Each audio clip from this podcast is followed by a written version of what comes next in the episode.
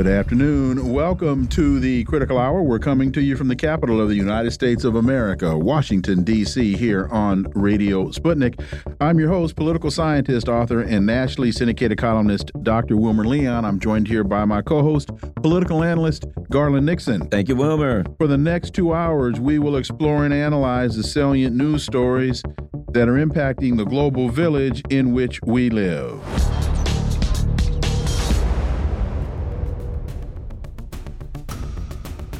Sputnik International reports transport plane Il 76 with Ukrainian POWs on board crashes in Belgorod region.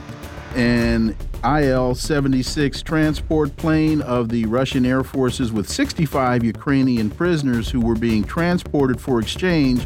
The crew and accompanying persons crashed in Russia's Belgorod region the Russian Defense Ministry said earlier today. For insight into this, let's turn to our first guest. He's an American citizen living in Crimea. He's a filmmaker and documentarian, Regis Tremblay. As always, Regis, welcome back. Thank you. It's always good to be with you. All people on board of the IL 76 transport that crashed in the Bel Belgorod region of Russia were killed. Um, tell us what you know, and was this a uh, was this bad weather, or was this actually was the plane taken down? As far as you know at this point. Well, of course, this is a top story here uh, in Russia today. It's all over the media. Um, from what has been able to be determined from the last words of the pilot said we've been hit, to people who have taken video, apparently, of the plane as it descended. Reports are that was there was a massive explosion and the plane was completely deteriorated. I heard reports just a little while ago that it will be impossible to identify any of the bodies. They would just be blown to bits. So this was not a weather-related crash. It was not. It was not a pilot error. Uh, it's pretty much determined now by the Russian Federation that Kiev shot this plane down for their own nefarious purposes. We can discuss that a bit if you wish, but uh, it seems pretty clear that uh, it would not be in Russia's interest to shoot down their own plane with prisoners. That that makes no sense at all. Uh, the only one that could do that would be the regime in Kiev with American and German supplied uh, anti-aircraft missiles. Regis, and, and I've been reading a bit around, uh, on this, and as I understand it, the Russians had notified Kiev about the plane, and that there were, in fact, you know, they were notified that about this particular plane, and that there were their own um, Ukrainian POWs on board, etc. And that so there's, if Ukraine did it on purpose, that's kind of weird. Or what are your thoughts on that? Oh, and one more thing: this is not the first time that very plane had been used for right. this for this very exercise for a prisoner exchange? Um, people can speculate about the motivation.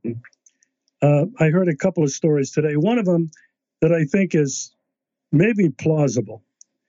Um, again, Ukraine trying to blame this on Russia and get the world to condemn Russia.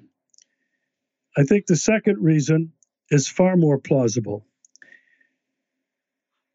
Think about this these uh, 65 returning Ukrainian combatants, after having been held in captivity in Russia, were treated with dignity and respect, were clothed, were fed, and uh, were given medical care when needed. Imagine what happens when these troops go back to Ukraine and talk about the treatment they got from Russia when they were captured. What does this say to the troops that are still fighting on the ground? geez, if you surrender, you get captured. This is how you're going to be treated.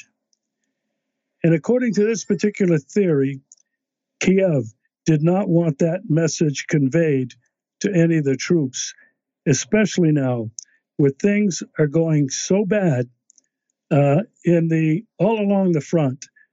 Uh, Ukraine is losing badly. From all the reports that we get, uh, whether it's from the Russian side, even from the American side, things are going very, very badly for Ukraine. So this is what's being talked about here. I happen to believe that it's probably the second reason they don't want these troops coming back and talking about how they were treated when they were captured by the Russians. There's a interesting element in this uh, Sputnik story. Speak, uh, uh, the Speaker of Russia's lower house has instructed lawmakers to prepare an appeal to the U.S. Congress and Germany's Bundestag in connection with the plane crash in order to show foreign parliamentarians for what purposes Kiev is using their military assistance, as he believes the Ukrainian military shot down the plane. Well, I also read today that Russia is demanding an emergency meeting of the United Nations Security Council to talk about this incident in Belgorod region. Uh, if you look at what Russia has done at every stage of the Kiev regime's escalation, attacks on Russia, attacks on the bridge in Crimea, attacks on Crimea, uh, repeated attacks on Belgorod region, Lavrov and the the Russian ambassador to the United Nations have consistently called for emergency meetings to bring this to the attention of the rest of the world. Russia does not expect anything significant to change in the attitude or the conduct of the United States or any of the countries in the EU. They've stated that repeatedly. But what they are doing is they are trying to spread the message to the rest of the world that is mostly sympathetic and favorable to Russia. You know, I remember this was a while back. There was a town, I think it was called Olenivka or something like that, where there were a bunch of uh, Azov captives. And basically, they got hit. It was in Donetsk. They got hit with a missile. And uh, of course, the uh, Ukrainians said that, uh, as normal, the Russians shot their own place with a missile. But the bottom line was there was a lot of. There was some discussion as to whether or not, you know, the uh, Zelensky people got along with Azovs, et cetera. So the fact of the matter is, this wouldn't be the first time they killed their own POWs that were in the custody of the Russians. Um, your thoughts on that, Regis? Well, uh, I watched a television report um, on RT, the English, um, with a friend of mine whom I've inter interviewed several times, Stanislaus Krapivnik, who was 11 years in the United States military, uh, Russian born, immigrated to the United States with his family, and has since 11 years ago returned back to Russia. In this program, what he said was that it's the um, the Kiev regime seems to be disconnected from their military, from their SBU, their intelligence services. And he made the point that some of these actions are actually not commanded by Kiev, but are undertaken without the approval by independent or rogue parts of the Ukrainian military. I find that very interesting. But given the reports that Zelensky is being alienated from Zaluzhny, his top general, they've, they've argued publicly. Zelensky has been criticized by Vitaly Klitschko, a former heavyweight boxing champion who's the, the mayor of Kiev. They've all criticized him. So you can see in what is being publicly stated by the Ukrainian state controlled media itself that there are sharp divisions and disagreements within the Kiev regime. Sputnik International reports U.S. media reports loss of dozens of Bradleys as Ukrainian army fusses over poor winter performance. Dozens of Bradley fighting vehicles have been damaged or destroyed in the course of battles against Russian forces, with their Ukrainian operators unsatisfied with the vehicle's performance in winter and the condition of some of the Bradleys they received from their U.S. partners. You know, I just wonder why they don't get the German Leopards to pull them out the mud. And oh, that probably won't. Yeah, they're not running either. They are already been blown up. Yeah, they've already been. Okay, Regis Tremblay.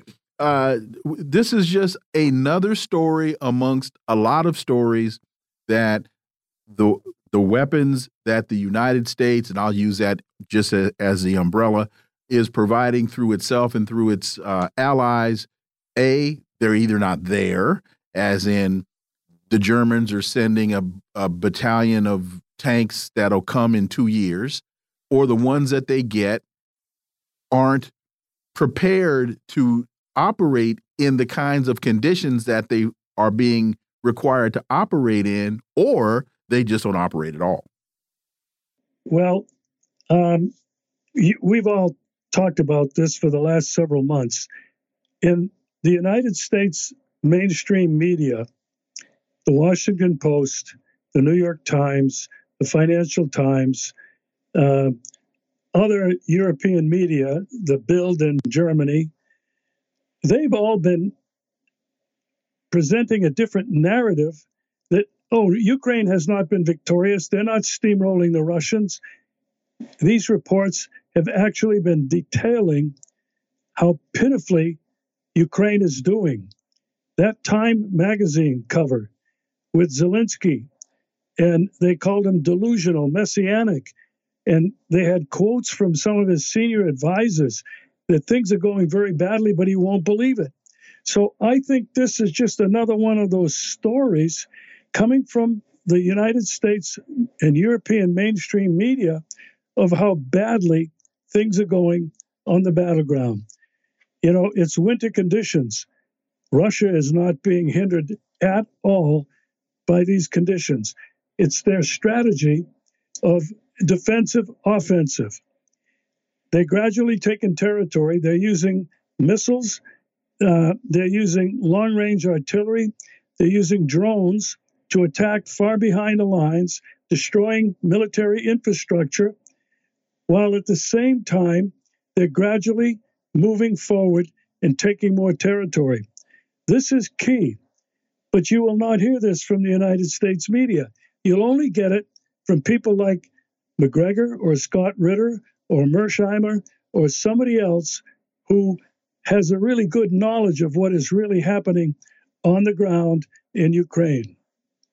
The thing that surprises me in, in, in all of these reports, but especially in terms of the transport plane, the IL 76, what amazes me with all of these escalations, as I mentioned previously, Russia's patience not to react against Germany or France or England or the United States for their involvement in this crisis.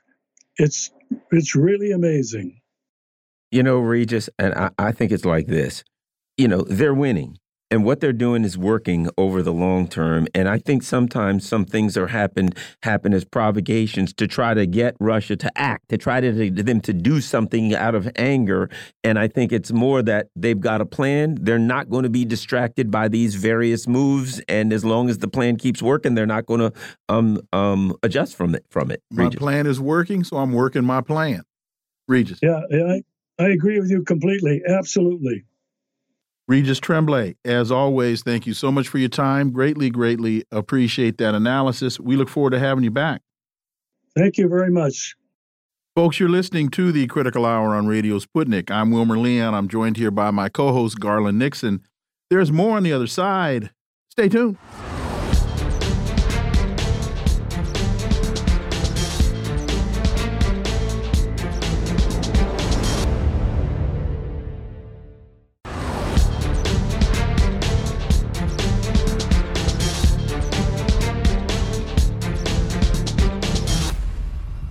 We are back, and you're listening to the Critical Hour on Radio Sputnik. I'm Wilmer Leon, joined here by my co host, Garland Nixon. Thank you, Wilmer. Reuters reports Trump cruises in New Hampshire primary election. Haley vows to fight on. Uh, New Hampshire, uh, this is uh, Donald Trump, cruised to victory And uh, yesterday, according to the uh, Edison research, they projected the uh, the uh, results. Uh, with that means uh, Trump is marching closer to a November rematch with President Joe Biden if he's on the ticket. Even as his only remaining rival, Nikki Haley vows to soldier on despite her whipping. For insight, let's turn to our next guest. He's the co-host of Convo Couch, AM Wake Up on Rokfin, and the new show is Pasta Pasta to go. Pasta to go. Craig Jardula, as always, welcome back. Thank you for having me on, guys. So uh, the race is far from over. Uh, Haley told her supporters, and sh she's challenging Trump to debate her. I'm a fighter and I'm scrappy, and now we're the last one standing next to Donald Trump.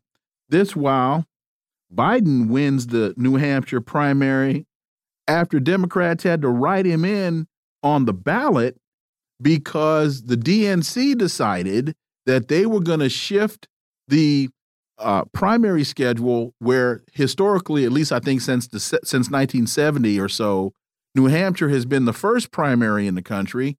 They, they want Joe to demonstrate to show momentum, so they brought up North uh, South Carolina first. New Hampshire said we're not going for it; we're doing it anyway. So the Democrats had to spend a million and a half dollars to promote and remind folks to write Joe Biden in. Uh, this is nothing but a mess, as the Democrats claim to be supporting democracy. Craig Jardula. Oh man, so much going on. Where should we start first? First off, let's start with Nikki Haley, right? We talked about her the other day and what she really stands for. But I thought she did a good move as far as politically coming out very early while that that lead that Donald Trump had was still in single digits. It's like she had to quickly do her little speech in, in uh, New Hampshire to get on to South Carolina and Nevada before it raised up before double digits, where where I think we're currently about 96 to 97 percent reported in, and it's right above 10 percent. So I think that's important for optics. So she was able to get out there. And you're right. The one thing that you mentioned that was awesome, Dr. Wilmer, is the fact that she's calling for a debate with Donald Trump. now, I'm not supporting Nikki Haley one bit, but if I was working for her campaign, I would stay on top of that note. You're the only one left. Keep challenging Donald Trump to a debate. This seems like more of her holding out to get that VP slot or something good within the Trump administration. So if I were her and I was advising her, I'd be I'd be telling her keep calling Donald Trump out for a debate. Call him out, call him out. I don't think she'll get one, but she'll surely rattle the cage because you saw last night when Donald Trump did his speech. It wasn't about him winning and that's uniting the country. It was a little bit more about Nikki Haley. What is she doing? She's out, she's out of her mind over here. Enough is enough. She needs to drop out. She's up there bragging when she lost. This is the second time she's done it. Vivek, get up over here and say something, you know, and Tim Scott was right behind him. So it does appear to be that she is a little thorn in the side of the Trump campaign. Now, the Democrats, wow. Uh, I think who really won last night was Dean Phillips. He's the gentleman who finished second on the uh, under the write-ins for for Joe Biden. I was in New Hampshire when RFK went to the the legislation and asked them not to move their primary. Said, hey, hold strong on this. This is your right. You guys should do this. And that's when he was part of the Democratic Party, and he wanted to go first there because he wanted to make some noise. And had he been on the ballot yesterday as a Democrat, I don't think that write-in campaign would have won. But the big winner, like I said last night, was Dean Phillips because he came out of nowhere, and people have questioned it today. Hey, who's this Dean Phillips guy? But the big loser of the day is Marianne Williamson getting almost nothing yesterday, but it really sends a message. I think that that progressives out there are not going to be down with any type of love with Israel, and she's always been questioned about her stance on Israel Palestine. So that's what I took out of last night. A lot of stuff going on. Campaign season is officially now kicked off. Well, two things here, uh, and I'll throw these at you. Number one, uh, this, these are the two things I, I, I, took. Number one, the Republicans over. That's over. Trump wins. It's done. You know, they can go through the motions if they want to. They can, Nikki Haley, I guess she's going to get the billionaire money and the Lockheed Martin and all the money that they're going to give her. She ain't winning and Vivek Ramaswamy is angling for VP. Those two things. But the other thing is, the Democrats are in disarray. They, you know what I mean? I mean, there's so many people looking at Biden saying, that guy's got issues, if you know what I'm saying, real serious issues. And people aren't happy with the job he's done. He hasn't kept his promises on any, much of anything. The Democrats are in disarray, and the Republicans, they got their, like him or not, they got their guy. Pasta. Well, that is true. And, you know, right before I came on your show over here, and it was really after I turned on the mainstream media today, and watched it for about an hour before the show. I just realized that they still have those two weapons in the bag. They have the establishment and they have the mainstream media. They're going to still push the Nikki Haley uh, prospect, and that is going to be somewhat of a thorn, I think, on Donald Trump's side. I, I think yesterday he was hoping that after the big win that she would wrap it up, say no more, and we can concentrate on Joe Biden, or not so much concentrate on Joe Biden, but Barack Obama now, who's whipping things up behind the scenes, who's getting all pissed off as Sleepy Joe is just wandering out there. Uh, but also too the way they spun the whole Joe Biden thing. They're like, look, he wasn't even on the ballot. They had a, a serious disagreement with New Hampshire. Uh, New Hampshire's delegates are not going to be even uh, viable at the uh, convention this year, and Joe Biden still won. So, you know, they got the master spinners around there, the mainstream media in their side. And it's going to be interesting to see how they play this out. Yes, it appears like it's over. But like I said, Nikki Haley yesterday said she got the biggest applause in that room when she said, Donald Trump should debate me. So I think that's going to be the rallying cry moving forward. Okay, we'll get out of the race when it's time to get out of the race, but why don't he stand on a stage and debate me? And, and instead of Donald Trump concentrating on the general, he now has to worry about this little thorn in Nikki Haley kind of pricking at him. I think Nikki Haley might have considered withdrawing if South Carolina, her home state, where she was the governor, were not next on the list. When you look at the results of the um, of the primary in New Hampshire, yes, she got stomped, but she did close the gap. She lost by 11 points when going in. It was more than it was 20, 30, yeah, it was, like it that, was, yeah. yeah. Trump was way ahead. I mean, yeah, it was pack it up, go home, and you know. So uh, I think that there are that there are some factors here that if you're her campaign, and I think one of the keys that we're going to have to see between now and South Carolina is her ability to raise money.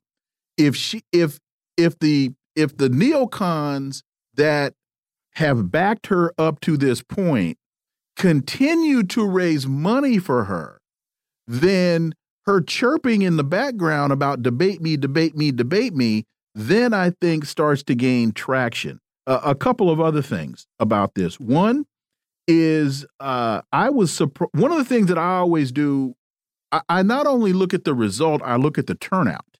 And they're saying there was a record turnout for the New Hampshire from New Hampshire voters over 320,000 people turned out when when all the votes were counted. So that to me shows a lot of interest in this. Uh, and with that interest, Nikki Haley was able to close the margin a bit. Now, some will say that a lot of her support came from independents, and that you had, uh, I think, because uh, New Hampshire is an open primary, so you had some Democrats that crossed over and voted for her.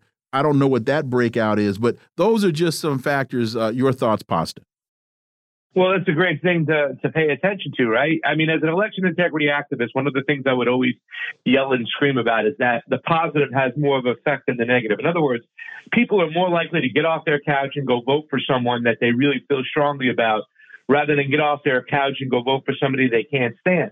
But I don't know how those optics are changing. I think there's a good case study in uh, New Hampshire yesterday because I don't believe a lot of the votes that she got was because they really support Nikki Haley. I mean, what are you really supporting when you're voting for Nikki Haley? More war, World War Three, World War Four, World You're, you're supporting you're supporting Joe Yeah. Biden policy. exactly. Yeah. But also, too, I think you're also supporting you're an anti-Trump vote. Correct. Correct. So I think there's a lot of I think there was a lot of that going on, and that's not going to exist in South Carolina as it is a closed primary. So she won't have that luxury, and I would suspect that she would drop out before South Carolina. I still suspect that too as well. But she's going to hold off as long as she can right now to try to jockey herself for a position for Sumter for Donald Trump. She's trying to go for that VP. And that's what this is all about right now. I think a lot of us are saying, is it going to be DeSantis? Is it going to be Nikki Haley? Is it going to be Kari Lake? You know, it's very interesting. A lot of times the VP doesn't mean as much, but let's not forget Donald Trump has one term. He can only serve one term.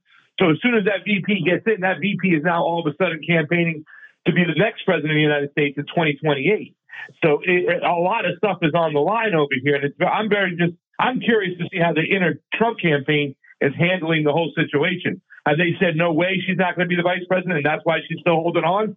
Or, you know, is it one of those things where he's starting to consider and he's going to buckle and say, all right, drop out now, let's go, and I'll give you the VP? Nobody knows what's going on behind closed doors, but there's so many things to speculate on. I'm going to take a different position. Oh, by the way, right now, uh, right now, uh, South Carolina, Trump is 62.2, Haley is 25. Um, but here's my position. She's not going for VP at all. I think VP is going to be Ramaswamy, but I don't think she's going for VP at all. Here's what I think with her. She's the anti-Trump, the, you know, uh, Lincoln Project, et cetera. They're the, you know, those people who are like, okay, we're the Republicans that got to take Trump out. Her plan is if they, the deep state plan, if they can, by lawfare, by hook or crook, whatever, if they can take Trump out, that's their plan. If Trump goes down, they can then shove her in and say, okay, well, she's the only one in, so I guess it's got to be her. So that's my thing. I think their plan is we take Trump out using charges, anything we can. God only knows. I don't want to go too far with this conversation, but if they can get rid of Trump, then they shove her in as opposed to, I think there's, no, she knows there's no prayer that she's, I, I don't think that Trump would choose her. Anyway, Pasta, we got about a minute. Well, it's just that Ross Perot effect. Remember, he suspended his campaign, then came back. That would, would that's what would happen if this were to, to be the true with Nikki Haley. Donald Trump somehow goes down, the indictments and the and these uh, court cases somehow catch up with him, and he can't run, or whatever the case may be, is held, and then all of a sudden Nikki Haley's the last one standing. You will see probably that Vivek Ramaswamy push as being the America First candidate coming back, and this time he'll have a lot of wind in his sails with Ron DeSantis and Tim Scott behind him. So that's that's interesting that you kind of pointed it out, and that's what it really means to suspend a campaign not just eliminate completely, but it is something to watch out. There are so many different avenues we got to pay attention to. Oh, isn't campaign season so much fun? Well, first, first of all, you have to suspend the campaign until you've paid off all of your debt. Oh, okay. You can't. You mm -hmm. can't. You can't just say I'm out. That's why you always hear when someone decides to right. drop out, I'm suspending my campaign because you you can't end the campaign until all of the debt is paid. And then you've got that money. There's laws on what you can what do with the do money with the, that you have left. Money. How that has to be dealt but with. You can always uh, dip back in. Look at Ross Perot did. He dipped back in. So oh, I mean, absolutely. It gives them an avenue to dip back into as well. So I think that's that's what they're holding on for too as well. God forbid something happened with Trump. Here they come running right back in. And that would be interesting to see if there would be a split between the DeSantis campaign and the Vivek Ramaswamy and the Tim Scott campaign. We've got one minute. One thing I've noticed too, if you look at the uh, real clear politics numbers, Trump in a head to head with Biden is now 3.8 percentage points ahead. He's now eight tenths of a point above the margin of error. So he's now trending and polling increasing his lead, even and though lead, and leading in every battleground state. Even though it's an eighth, it's not a point yet. He's trending in that direction. And finally, you all have been talking about Vivek Ramaswamy and Tim Scott.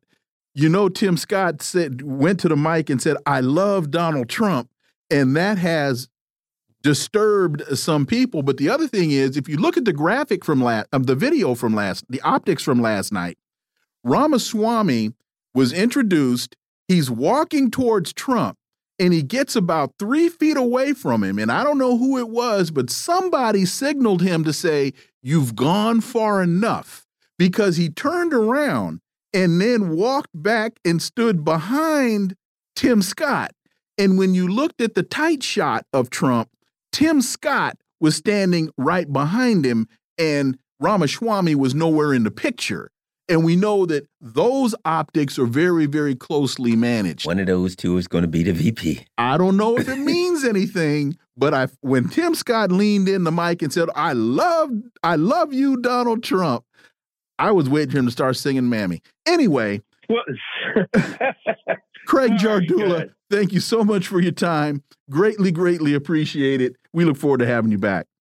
Well, can I just say that you know Tim, Tim Scott loves Donald Trump. Well, I love you guys, and we love pasta. Thanks, man. Take care. All right. Bye. Folks, you're listening to the Critical Hour on Radio Sputnik. I'm Wilmer Leon. I'm joined here by my co host, Garland Nixon. There's more on the other side. Stay tuned.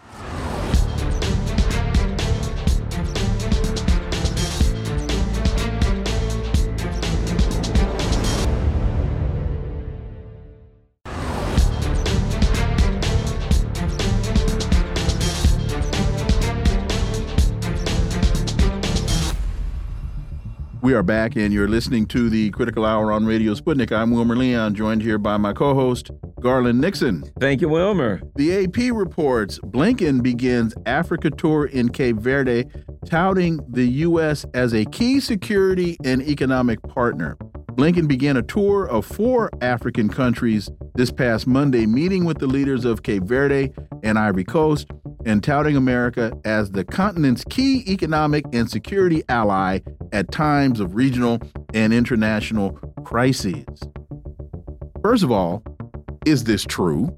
And second of all, if it was, and it's not, is this too little too late? For insight, let's turn to our next guest. He's a historian and educator with 40 years of background in Africa, living and reporting from uh, Eritrea from 2006 to 2021. At one time, he was the most widely distributed independent journalist in Africa. Thomas C. Mountain, as always, welcome back. Good to be back. So, after he spends time in Cape Verde and Ivory Coast, uh, he's on his way to Nigeria and Angola. The tour, which comes as deadly crises and rampant coups threaten the continent's stability, focuses on trade, security, and democracy promotion. Uh, Thomas, I, I understand uh, Blinken's rhetoric, but history just doesn't bode well for the story that he's trying to tell. Thomas Mountain. Well, you know, since that report, uh, another report's come out said that the U.S. saying they're going to be establishing drone bases along the west coast of Africa, new drone bases, and, and a major investment and major, uh, you know, so they want to be able to patrol the coast off of Africa and in, into the interior. So I think Blinken had something concrete in mind on this visit, which, you know, he's got the rhetoric, but the, the U.S. military necessity is, you know, they want to have a place where they can start to to maintain their surveillance and, if necessary, ability to strike from uh, within bases, you know, on the sh- shore in Africa, West Africa. So, you know, it's a lot of been focused on the on the Horn of Africa, but now they're Blinken's trying to diversify. I think that's much of what's behind this uh, this uh, trip. Yeah, I, I, I, I think you're right. I think that it's not an accident that the that we saw that. Uh, I think uh, um, uh, that uh, um, the U.S. has bombed Somalia again. Um, we've seen a couple of the, um, I think, if I'm not mistaken, the leader of Chad has been in Moscow in the last day or so, and the, uh, I think Burkina Faso and some other uh, uh, Central African countries are um, doing uh, military agreements with Russia, and it seems to me that uh, Tony Blinken's there trying to maybe make up ground that they're rapidly losing. Your thoughts, Thomas? Yeah, I mean, they're. I mean, the Chad has been like in the French uh, back, you know, back pocket for a long time, and all of a sudden, uh, Chad is the president of Chad's laying wreaths at the war memorials in in Moscow. You know what I'm saying? It's like uh, the, the West is you know they're trying to desperately hang on to something there in Africa, and they're you know the Central, the Sahel, and in East Africa, you know they're having problems, especially in the Horn of Africa. But like you say, you know they're they're trying to establish. I mean, they haven't ever been able to really set up a military base on in West Africa, and and I think these drone bases because they have a smaller military. I mean, you know, personnel footprint, uh, but they do they're very strategic for the U.S. I think this is where they're headed. When you look at the map and you understand, you talk about West Africa and uh, the United States is um, is at Cape Verde, and they're looking to establish drone bases and whatnot. This seems to be a direct military response to the progress that China is making in the region. Well, you also got to realize that uh, the, the the the Houthis, have basically made a serious, create a serious problem for the Western shipping companies. It, you know, they really can't use the Red Sea now, and so they're going to have to go around the west coast of Africa. So, you know, the United States, they've got their strung out naval wise. They, they're going to have to start providing some sort of surveillance and coverage for this new shipping lane that's being developed. You know, everybody was going for the Suez Canal and Bab al Mandeb. Now they look like they're going to have to go around Cape uh, Good Hope in South Africa for at least for we don't know for how long. You know, the Houthis may end up actually shutting it down effectively, completely. So I mean, you know, drones getting drone out, out there so the Americans can at least provide coverage and surveillance on the west coast of Africa, I think is a pretty a big step because you know the fact that Blinken is dashing off on this trip with nobody heard about beforehand to establish these drone bases, I think is is a reflection of that. Right. And, you know, the thing about it is, again, we get the big fraud because they say the, the U.S. is going to be a key security and economic partner. But the reality is this the Africans have a historical context here. And what they know is that the U.S. has been a key insecurity partner and an economic oppressor. And now that the U.S. needs Africa, at least they need them not to make their resources available to Russia and China or to work deals with Russia and China. Now, suddenly they're going to reverse it. Oh, we're there for security. It's like when the mafia comes and says, we want to make sure nothing happens to your restaurant. And if you pay us, some bad person won't burn it down. And they're the bad person. And that's Blinken coming to um, Africa. And, and I think the other thing to pay attention to is where Blinken is going, because, for example, Cape Verde is where. Um, is that where they grabbed Saab, Alex Saab? Alex Saab was was uh, was kidnapped at the request or at the behest of the United States. So uh, basically, this seems as though, to a great degree, Blinken is making the the friendly country tour. You know, he's not going to Algeria. Uh, he's uh, Thomas Mountain. Well, the U.S. is definitely on the back foot in Africa overall, and they, you know, they've taken some serious blows in the last couple of years. Uh, the loss of the TPLF regime in Ethiopia, even though the U.S. has sort of recovered and made some inroads with uh, controlling the, the regime, the Abiy Ahmed regime in power in Ethiopia now. But I mean, they're, they're, historically, they're some of their best friends have been in West Africa. I mean, Nigeria has played the policeman on the beat for the United States in West Africa before. And of course, they've been, you know, propping up the Ghanaian regime, and you know, uh, of course, Ivory Coast, which is, you know, basically French staged a coup to get rid of the government that was not favorable to them, uh, uh, Gbagbo. And you know, so I mean, the, the Americans have been trying to make get back into the game in Africa, and some of their traditional allies in the West Africa are where they're aiming at right now because they're isolated from much of the rest of the continent. RT reports Africa needs a permanent seat on the Security Council. Apparently, uh, Secretary General at the UN, Antonio Guterres, has said that the fact that Africa lacks a permanent seat at the UN is an injustice. That's fairly obvious. It's interesting with uh, what has happened at the um, ICJ and uh, certainly the support of, of, of, some of the world powers. Um, it looks like there may be a chance for Africa to get on the U UNSC, and they should have the same authority, veto authority that everyone else has. Your thoughts, Thomas? I mean, who, who, what, what African body are they going to put on the UN Security Council? Good point. The African Union. I mean, the African Union, the salaries and the operating expenses of the African Union, the majority of are paid by the EU, the European Union, the white man. So you're going to put up uh, an organization that's basically a front for the West, the African Union, and you're going to put them on the Security Council. I mean, that's why, to me, why the West is maybe support might support this because, you know, then they can say, oh, uh, we've got this uh, African body on here, but who's paying their salary? I mean, you know, when the EU says jump, the AU has to say how high. I mean, that's been the history of the African Union. So who's going to represent Africa on that? They're surely not going to be the really independent countries like Eritrea or anybody else.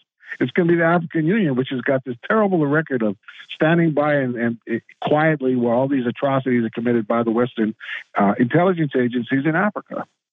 And to further that point, uh, Thomas, if you get a chance and can call Antonio Guterres and let him know that Africa is a continent, it is not a country. It is so not only from the who's gonna who's gonna foot the bill, what ideology, to your point about independent versus dependent, what ideology are you bringing? Who represents Africa? Because again, it's a continent, not a country. So, is the United States going to advocate for Kenya to be the spokesman for Africa as the United States is paying Kenya to go in and reinvade Haiti? Or are we going to look at Algeria? Or are we going to look at Niger? Or are we going to look at South Africa? As South Africa is before the International Criminal uh, Court of Justice, bringing, trying to bring uh, Israel to justice. Who do they pick? Thomas. Well, you know, uh, Secretary General Guterres is a European. From Portugal. And uh, a good example during the uh, CIA backed coup against the Ethiopian government from 2020 to 2022, he supported the the uh, the coup. I mean, he's good friends with uh, Tedros um, Adhanom, the head of the, the World Health Organization, which is a TPLF high ranking cadre. And, uh, you know, so his background in matters African have been pretty wretched recently. So for him to promote something like this, you have to raise questions about it because even though, you know, he's kind of cleaned up his image with this because of the Gaza genocide, he's, you know, he's going to have, he has to speak out about that. But, you know, the fact is, behind the scenes, he's been pretty wretched about Africa. So, you know, for him to propose something like this leaves me very suspicious. Thomas C. Mountain, as always, thank you so much for your time. Greatly, greatly appreciate that analysis, and we look forward to having you back. Thank you. Folks, you're listening to the Critical Hour on Radio Sputnik. I'm Wilmer Leon. I'm joined here by my co host, Garland Nixon. There's more on the other side. Stay tuned.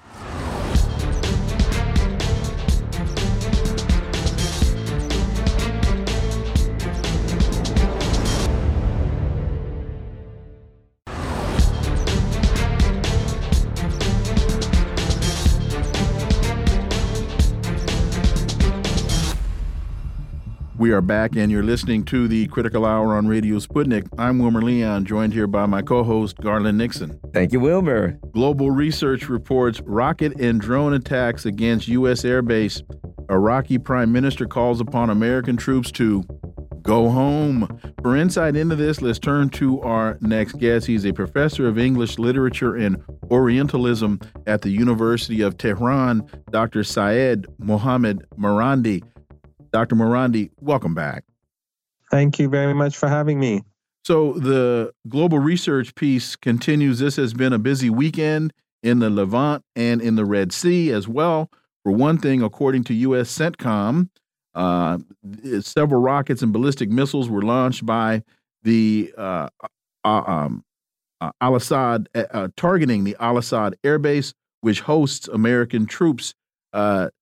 Dr. Marandi, there's a lot of activity, a lot of missiles flying around, and it's not working out in the best interest of the United States. You know, the real problem is that the Americans have, the American government has taken the Iraqi government hostage. They hold Iraqi oil money. Iraqi oil money that's sold goes into bank accounts in the United States. And then the United States when they want something, they don't give the money. So the Iraqis, in order to pay their the salaries of government employees, or to invest, uh, or to spend money on infrastructure, they can never be certain whether they're going to have access to their own money or not. And so the Americans use this as leverage to get what they want from Iraq. So the Iraqi government wants the Americans to go. And the American presence in Iraq is only bringing about instability. And the Americans are also using Iraq to carry out terror attacks in Iran, but also to occupy Syria. But someone, let's say some Americans who may hear this may say, well, great, we're Americans, this this is how we take control. The problem is that, I mean, if we look at it just from a a practical perspective, morality aside, occupation aside, the United States is despised because of these policies. in, if the United States has be as had treated Iraq as a friend, if it had treated the government with respect, then U.S. interests in Iraq would be uh, have a much higher priority for everyone, because right now the United States is seen as a the U.S. government seen as a thug, a thug that you have to deal with. You know, he's he's standing at the street corner. You know you have to treat him with respect, but you hate him. Whereas the Chinese, the Russians, and others don't treat Iraq or Iran or Syria or anyone like that. And therefore, their soft power, their economic power, their economic interests are able to expand much more easily. Because when it comes to the Americans, everyone wants to have the minimum amount that they can have that will keep the Americans quiet. But when it comes to other potential, let's say partners, they want as much as is is possible. And this is therefore this is only hurting the United States. The United States thinks that it's winning this way, but it's only losing. And as you rightly point out, missiles and rockets are being launched at illegal U- U.S. bases in Iraq and Syria. And it's not going to get better, it's going to get worse. Well, you know, Dr. Marandi, as soon as you said thug, for some reason, a picture of Tony Blinken just popped right into the front of my mind. Uh, but that being said, I got a lot of names for Tony right, Blinken. Yeah. Thug ain't one. Right. you can't use any of the rest of them on the air; we'd be thrown off. But that being said, there are now reports that the U.S. is going to uh, is considering withdrawing from Syria. And it, and and my first thought to Doctor uh, uh, Doctor Wilmer here is the heat is being turned up bit by bit to the point where you know they can stay yes they can use raw power and say you can't kick us out per se. But as the heat gets hotter and hotter it gets to the point where maybe nobody can physically kick them out but the heat is too hot and they can't stay there anymore. Your thoughts dr Marandi I don't know because the person who wrote that article that you're alluding to is a guy named Charles Lister and Charles Lister was one of these hardcore advocates of Al Qaeda in Syria. He was a he he's a he's a regime changer in Syria, and um, his concern is that the United States may go out. So I'm sort of thinking maybe his article was written to prepare to prevent anyone from uh, even contemplating this because the article is opposed to the U.S. exit from Syria. He, he says that uh, if the U.S. leaves, it's going to lead to ISIS growing, which is nonsense. ISIS is thriving in areas controlled by the U.S. Mm-hmm. and they don't attack U.S. bases. They leave those areas. There's a, it's an area called Al Tanf in the uh, there's an area in southeastern Syria called Al Tanf, which the Americans occupy. And Al Qaeda and ISIS has a stronghold there. And they use that to attack Syrian government forces and kill them every now and then. They attack buses, troops being rotated, and that sort of thing. So th- those factions of ISIS are working with Americans. So this Lister guy, he, I don't know how credible his article is, but ultimately the, the the the pressure as long as there's a war going on in uh, Gaza, uh, they're going to continue hitting American positions in Syria and Iraq, and, and but but you know the thing is that now that they're regularly targeting American positions, the Americans have lost that aura. If you if you know what I mean, The aura You know, of if- if invincibility. you- yes, exactly. If you can, if you can just every day lob a few rockets and fire a few missiles, then it shows they have no. They're not a real power. They're vulnerable. They're weak. Every now and then they may strike Iraqis, kill a couple of people, which only angers Iraqis more. But ultimately, they no longer have that image of some in uh, you know invulnerable uh, fortress uh, that no one can touch.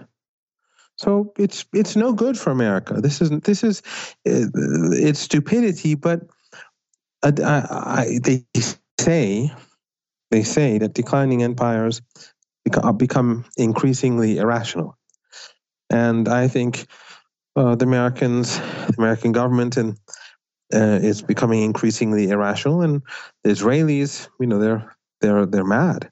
You know, I I gave this example, and sorry, I'm sort of uh, talking a lot. I'm, I'm rambling no, a bit, but no, you're answering the question. Please. Uh,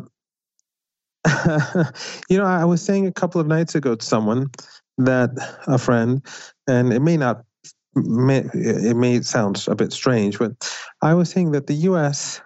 government is like Saddam Hussein in that it's nasty, it's cruel, it's murderous, but it's sane uh, the Israelis are like, I don't know, I'm sure you recall, Uday, uh, his son, mm-hmm. Saddam's son. Mm-hmm. Same, same characteristics, but crazy. You know, pampered, uh, uh, spoiled brat, son of a dictator. Imagine what what he turns out to be. Israel is like that. They've they they're completely mad. They uh, as we saw in the South African complaint, you know, they're openly genocidal. They say it, they don't hide it. The US empire is sort of increasingly becoming irrational, more like the Israelis. They're openly being, they're, they're, it, it's very clear that what they're doing is irrational and is hurting the United States, but they don't see it.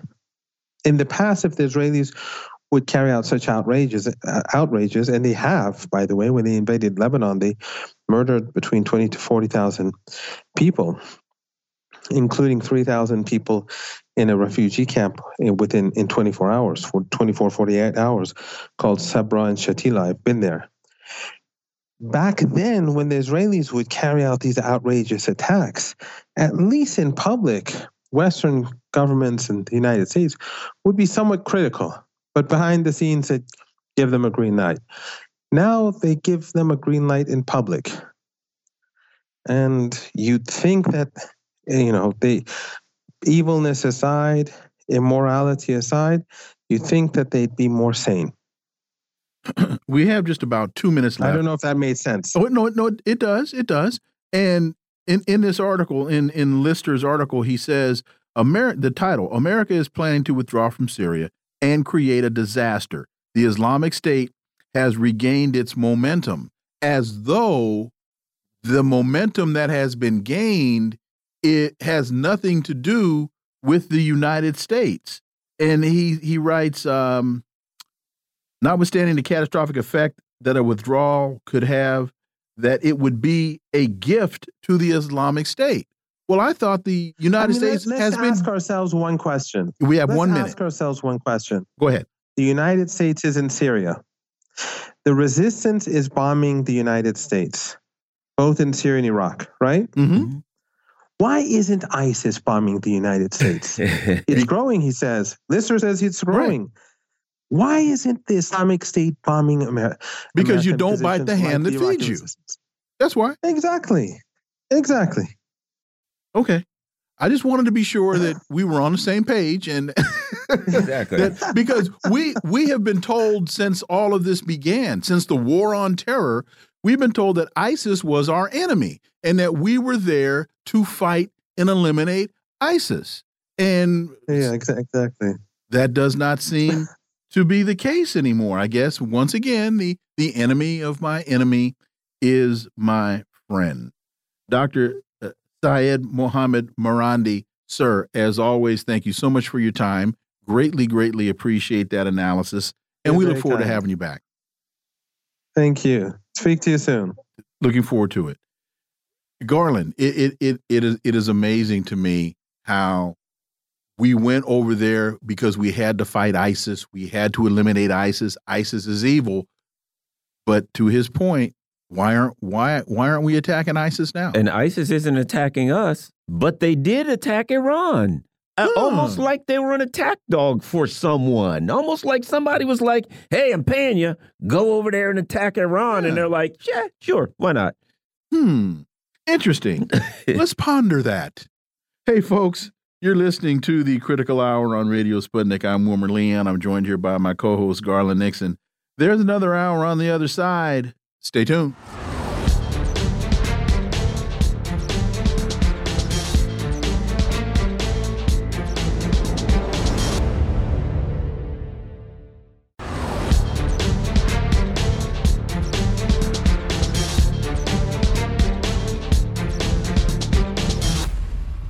We are back, and you're listening to the Critical Hour on Radio Sputnik. I'm Wilmer Leon, joined here by my co host, Garland Nixon. Thank you, Wilmer. The Washington Post reports NYPD investigates alleged chemical attack on pro Palestinian protesters. Saf Askenazi remembers the smell, a mix of sewage, rot, and dead animal coming on suddenly. The stench hit the Columbia University student during a pro Palestinian rally on campus last Friday. For insight into this, let's turn to our next guest. He's a journalist, Palestine activist, and author. His latest book is entitled Settler Colonialism in Palestine and Kashmir. Robert Fantina, as always, welcome back. Thank you very much. I'm happy to be here. So now, university and New York law enforcement officials are investigating reports that those at the demonstration were sprayed with a chemical substance in what the university's interim provost, Dennis Mitchell, says could be serious crimes, possibly hate crimes. He added that the school had banned, quote, the alleged perpetrators, end quote, whom he did not identify. He, they've been uh, banned from campus as the investigation continues. Uh, Robert, I say this uh, somewhat rhetorically. I'm surprised that this hasn't gotten larger, um, uh, garnered larger discussion across mainstream Western media. What's your thoughts on this, Robert Fantina? Well, that, that says a lot about mainstream Western media. If the reverse had been true, and if a pro-Israel group had been hit with this this foul-smelling concoction, whatever it was, it would be all over the place. However, that doesn't play into what the government and therefore the mainstream media wants people to know and to hear about. They don't want to hear about uh, pro Palestinian protesters being abused. They don't want to hear about uh, pro Palestinian demonstrators at all. They want them to just go away. But that's why we're seeing this. Uh, there's one article here and a small article there, but this isn't making big news because it doesn't play into the desired narrative. Yeah, I wonder where Stuart Seldowitz was when this happened. Keep an eye out for that guy. Anyway, um, the, and what's interesting is, and you look at it, it's Jewish Voices for Peace were there. Now, here's what we know: if it is a pro-Israel and somebody does that, then they are anti-Semitic and they hate Jewish people and they're out to attack and kill them all. And here there were Jewish Voices for Peace. A lot of these. Um, demonstrations are led by Jewish Voices for Peace or other Jewish organizations, but that's not brought up here. Uh, you know that that it's not. Oh, this is anti-Semitism. And and one more point, uh, that the alleged perpetrators, whom the provost will not identify, we know that when other pro-Palestinian activists were protesting MIT. Oh, they doxed them. There you go. Robert Fantina. Yes. And and we see that all the time. I, I noticed that too. That the alleged perpetrators hadn't been identified. Well, why not? These are people who've been uh, accused of a crime. This should be public knowledge. But again, we don't want to offend the people who are part of the government desired narrative. So this this is where we wind up with with this situation again, that this isn't being uh, being covered. But it's the same thing. You mentioned Jewish Voices for Peace. There, I've been in demonstrations, uh, one in Washington D.C., one in um, Ottawa, amid among many others more locally. And at each of those, there was a significant presence of Orthodox Jews there calling for the freedom for the Palestinians. However, that was not shown on news. There wasn't much shown about these on the news, but they did get some publicity because it's, hard to it's hard to avoid 300,000 people in Washington D.C. at one time. Uh, but why is why is the fact that Jewish Voice for Peace protesting uh, Israeli actions not news? These are not, as you said, anti-Semites. They are Jews. They're not self-hating Jews. That term doesn't go around much anymore. It was very popular for a while, but we don't hear that anymore.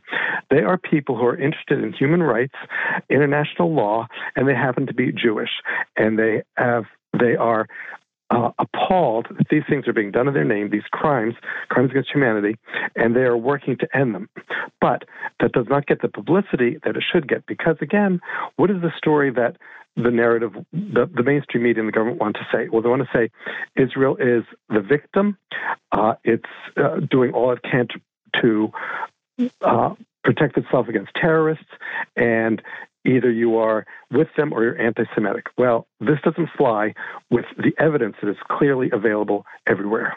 Well, because there's an intellectual and nuanced discussion to be had about uh, Judaism and about Zionism as a political, ideological discussion, as opposed to Zionism equals Judaism. So here's what we know there are a lot of Jewish people that simply don't agree that Zionism and Jewish and Judaism is the same thing. That's a good discussion to be had. But meanwhile, Congress is trying to change the law and say if you criticize Zionism, if you criticize Israel and Zionist policies, you're automatically saying something that's anti Semitic. The discussion within the Jewish community to expose that that discussion is there is to expose the flaws in that um, in those assertions. Robert. Yes, it is. And this, these laws that are being passed in various states or that have attempted to pass, equating uh, criticism of Israel again and anti-Semitism, are on the face ridiculous. You can criticize a political uh, party, a political entity, a government, the government's actions. That has nothing to do with any religion. And and trying to equate the two, Zionism and Judaism, it's insulting and offensive to many, many Jews. Not if they're Zionists, but if they aren't Zionists, this is an insulting connection to make, and they work against it. And they and they say no, they are not the same thing at all. They're totally different. They're not even closely related. And that's what Jewish Voice for Peace and other such organizations uh, are, are, are saying and proclaiming through their actions. And, you know, to your point, I was at the last, Garland and I were at the last march uh, that took place in Washington, D.C. And if you go to uh, my Facebook page, the Wilmer Leon Facebook page, I, the photo there are a lot of photographs that I posted, and I was shocked, pleasantly surprised to see these, uh, I believe they would be considered ultra Orthodox Jews with their children uh, standing locked arm in arm. I don't know if you saw the photos I posted, but uh, locked arm in arm um, with with a, a, number of signs uh, in support of uh, the Palestinian cause. Yes, I didn't see your pictures, but I did see those those you know those same people, but ultra Orthodox Jews, uh, adults and children, locking arms together with signs proclaiming their support for Palestine. I I thanked. I said thank you for being here, and their their attitude was, where else would we be? This is we're doing what we must do. Here, here are two. As, as, here are two signs. One, state of Israel does, and and they have Israel in quotes does not represent world Jewry. And another one says Israel is responsible for 75 years of tragic bloodshed of Arab people. Uh, these were just two two of the signs that many of these individuals and I was also shocked to see and and help me with the pronunciation here. I believe the the term is uh, chaifa that they were wearing uh, the the these uh, ultra Orthodox Jews with their very large fur hat, round fur hats were wearing chaifas. And they were they're obviously proclaiming their Judaism, their their pride in Judaism, and expressing what that actually means. And what it, one of the things it means is that never again doesn't apply to just the Jewish people, it applies to anybody. And by committing genocide against the Palestinians, then the Jews not the Jews, but Israel is guilty of a crime being committed in their name, and they disavow that completely. U.S. launches more airstrikes on Iraq as tensions soar. The U.S. launched another round of airstrikes on Iraq yesterday as tensions continue uh, to soar in the region. Lloyd Austin says that the airstrikes targeted three facilities used by uh, Kataib Hezbollah and other Iranian affiliated groups, referring to Iraqi Shia, uh, Shia militias. Your thoughts, Robert Fantina? We always hear Iranian Iranian affiliated groups. Mm -hmm. Now we could say uh, ICE says the the, uh, the U.S. affiliated or the U.S. supported terrorist group ISIS, the U.S. supported terrorist group IDF. But we, these articles always have to say, quote, the U.S. government saying that they're Iranian affiliated or Iranian supported to make Iran the big bad guy in the Middle East. that is not the case. The U.S. is the big bad guy in the Middle East. And the fact that the U.S. is again launching airstrikes against positions that are that have some Iranian may or may not have Iranian support is just the U.S. once again ratcheting up tensions in the Middle East unnecessarily. And they keep saying, well, we don't want to escalate things in the region. The U.S. is bombing Syria, it's bombing Iraq, it's bombing Yemen. And of course, uh, there are those who suspect it may be behind the ISIS attacks on Iran. Not saying I got any evidence, but there are those who suspect it. Boy, to not to to have a plan not to escalate, uh, uh, you know, uh, war in the region, they certainly seem to be going about it the wrong way, Robert. Yes, definitely. They're doing every, the United States is doing everything to escalate this, the to escalate tensions in the Middle East. It's supporting uh, Israel's barbaric genocidal slaughter of the uh, Palestinian people by sending even more uh, weapons and by protecting it in the uh, uh in the international bodies such as the United Nations. The United the United States will probably go in, uh, down history as the only country that ever vetoed ending a genocide. Uh, that's what they're doing. And so by these actions, the, the bombing in Iraq, the uh, bombing of Yemen, and so on, these are only adding fuel to the fire, and the United States is biting off far more than it will be able to chew. The New Arab reports Blinken says U.S. opposes territorial change in Gaza. U.S. Secretary of State Blinken said yesterday he renewed opposition to territorial changes in the Gaza Strip as Israel pounds the territory. Blinken in Nigeria was responding to repeated suggestions that Israel would create a buffer zone inside the Gaza Strip, a prospect that has stirred anger in the Arab world. So, what is creating a buffer zone mean? Are they creating another detention or or, or uh, another refugee camp within a refugee camp? Are they creating another open air prison within an open air prison? What does that What does that mean, Robert? They, they want to shrink the open air prison. They want to uh, squ squeeze the well, it was 2.5 million, however many survive, uh, into a smaller area and create the so called buffer zone, which would be an area patrolled by Israel within Gaza's borders that would allegedly uh, protect uh, Israel from any further uh, uh, liberation activities by the by by Palestine. Now you'll note that Blinken said he's opposed to that, but there might need to be some transitional arrangements. So, for a short term, that might be necessary. We know what a short term is going to be. Uh, the short term occupation is now in its what, 74th year. So, if this is allowed, it's only going to give uh, uh, Israel more of of Palestinian property and squeeze the Palestinians and deprive them of more of their basic human rights. Well, Robert, what does short term mean? Yeah, well, at least it's 74 years and not 75 years. I mean, what do you what do you want? And you know, one of the things that as we we have about 1 minute. One of the things I find very interesting in it is well, two things. One, that a lot of the narrative that comes from the West is as though the conflict started on the 7th of October and they talk about the current state of Palestinian refugees they don't talk about the right of return, which has been ongoing for 74 years. Robert Fantina and the right of return is guaranteed to the Palestinians. It's been, it's an international law. There's no question about it, but uh, that isn't something that Israel will ever allow. So we're seeing again just continued continued slaughter, continued violation of international law, and we're seeing the United States supporting it all and allowing it because the United States could stop it today if it wanted to. And 30 seconds.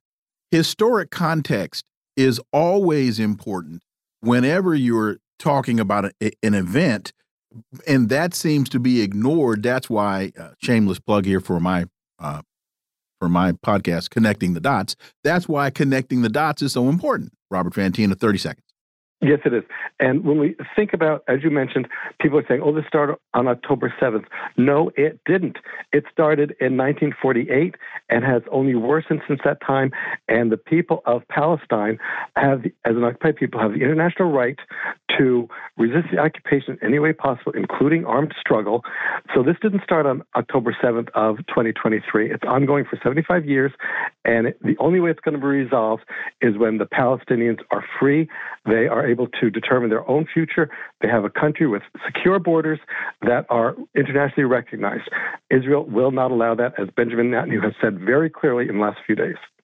Robert Fantina, as always, thank you so much for your time. Greatly, greatly appreciate that analysis, and we look forward to having you back. Thank you. My pleasure. Folks, you're listening to the Critical Hour on Radio Sputnik. I'm Wilmer Leon. I'm joined here by my co host, Garland Nixon. There's more on the other side. Stay tuned.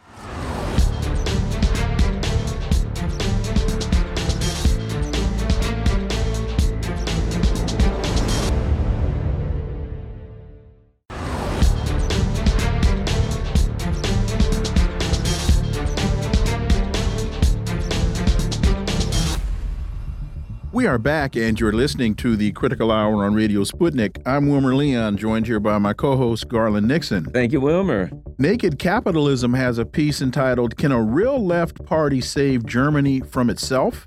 The government in Berlin has declared its unconditional support for Israel through increased arms sales and backing at the ICJ, the International Court of Justice. Meanwhile, it aggressively suppresses criticism of such moves, labeling it as anti Semitism.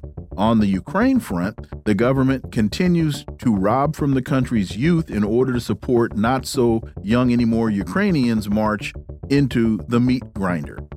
How much of this is political versus class, as in left versus right or elite versus the average citizenry? For insight, let's turn to our next guest. He's an independent investigative journalist and author of three books The Frozen Republic, The Velvet Coup, and America's Undeclared War. Daniel Lazare. As always, Dan, welcome back. Thanks for having me. So, this piece continues, the escalation of commitment continues despite the austerity it's set to bring on the home front and the latest German program on the chopping block to free up more money for Ukraine is the Federal Education and Training Assistance Act, a program that provides grants so that low income students can get a higher education. Uh, Daniel, the the the issue posed is can a real left party save Germany from itself? And I posit how much of this is political versus class. Your thoughts, Daniel Lazare. Well, um, first of all, there's no question that Germany is really in bad straits. Uh, it's in recession. Uh, its foreign policy is completely uh, uh astray. Uh, I mean, first of all, it's been cut off from a uh, its its traditional source of cheap cheap energy supplies in Russia. Um, its industry is in deep trouble, and of course, the reason it's been its energy supply has been have been cut off is that a certain superpower uh, blew up the Nord Stream pipeline.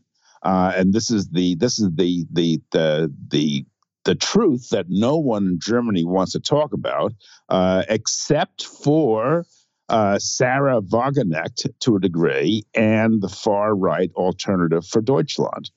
Um, Sahra Wagenknecht is a uh, is a, a, former East German uh, communist uh, who uh, became uh, who joined became a major figure in Die Linke, which means the left in German, and is the sort of the, the major radical left party. Um, but she came into conflict with uh, the Die Linke leadership when she wanted, when she was wanted a stronger stance against NATO, against U.S. foreign policy, against the rush to war over the Ukraine, and a policy that that would be friendly and friendlier and more accommodating towards Russia. Um, uh, she was essentially forced out of the party. She has uh, formed her own party called uh, the Sahra uh, Wagenknecht Alliance. Uh, but she is politically kind of an oddball. Uh, I don't know who to compare her to. She's a uh, she's a little bit. Um, she's she describes herself as a left conservative, uh, in that she's extremely hostile to the lifestyle left. You know, the the the the left, which is always going on about you know identity and and intersexuality and multiple genders, et cetera, et cetera. She's also hostile to to uh, illegal immigration and refugees. Uh, which essentially means that she sort of has been evolving in the direction of the Alternative for Deutschland, the AFD, the far right party, uh, which, by the way, it's uh, the AFD's poll numbers are shooting through the roof. They're now at 25% nationwide, I believe. So Sahra Wagenknecht uh, has split off from the the the far left, which it's which itself is less far left than it used to be, uh, and seems to be taking halting steps in the direction of the AFD.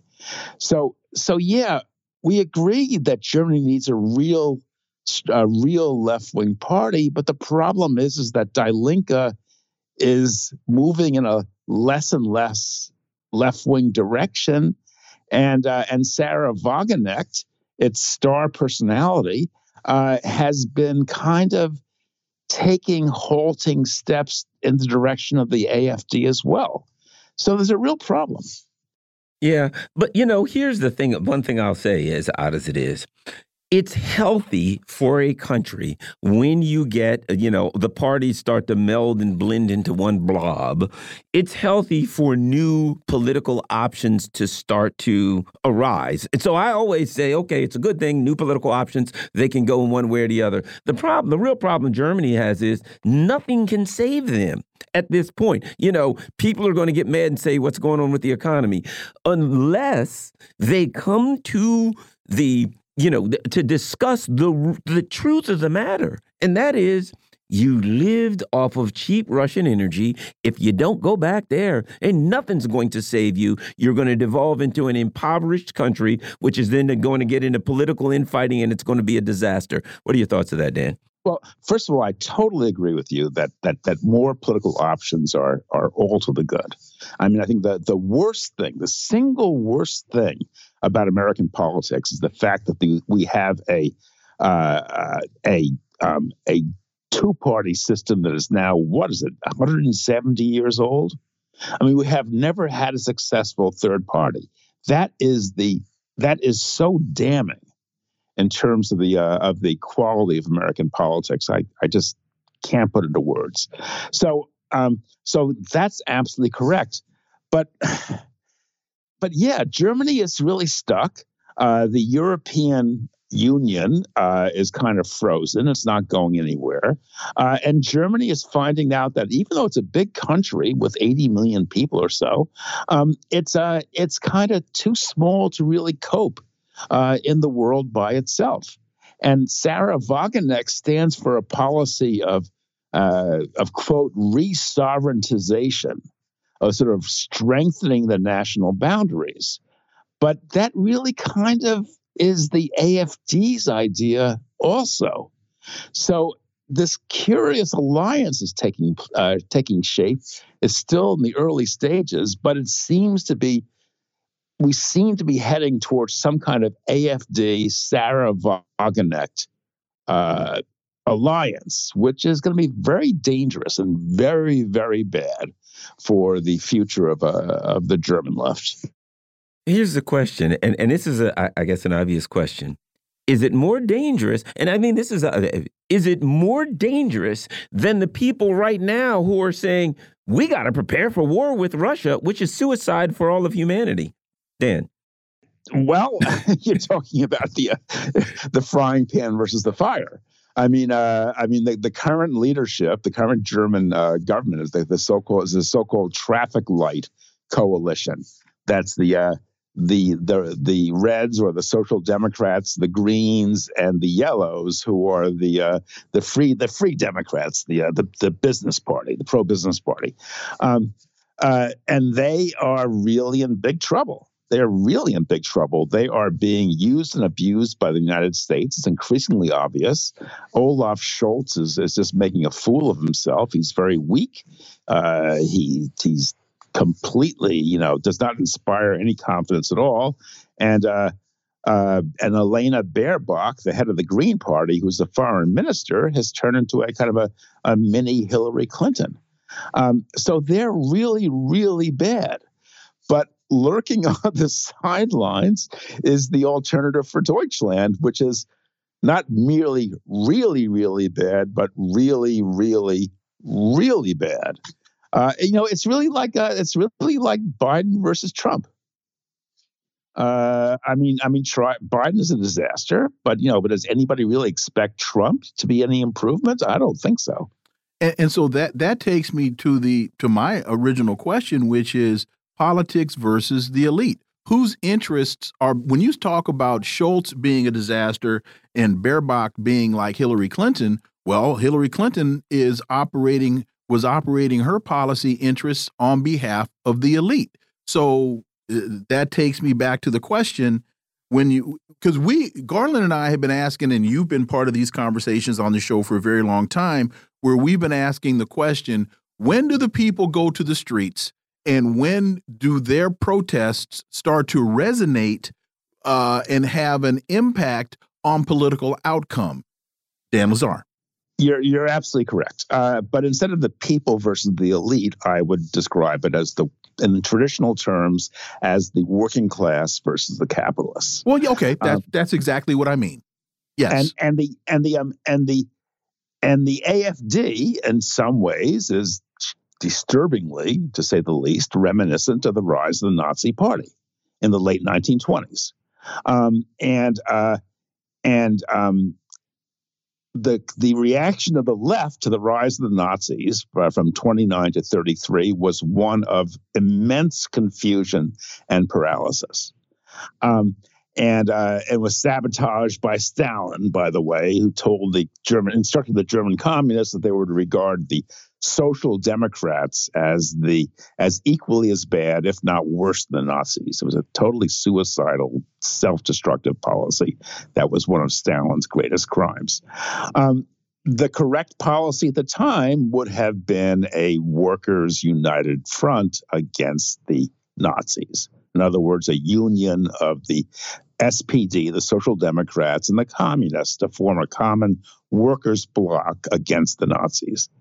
And that, I think, is what should be done today. The AFD is growing very strongly. Uh, it is, I think, it definitely has the wind in its sail in its, its sails. I think that that that that uh, that Trump's strong performance here in the U.S.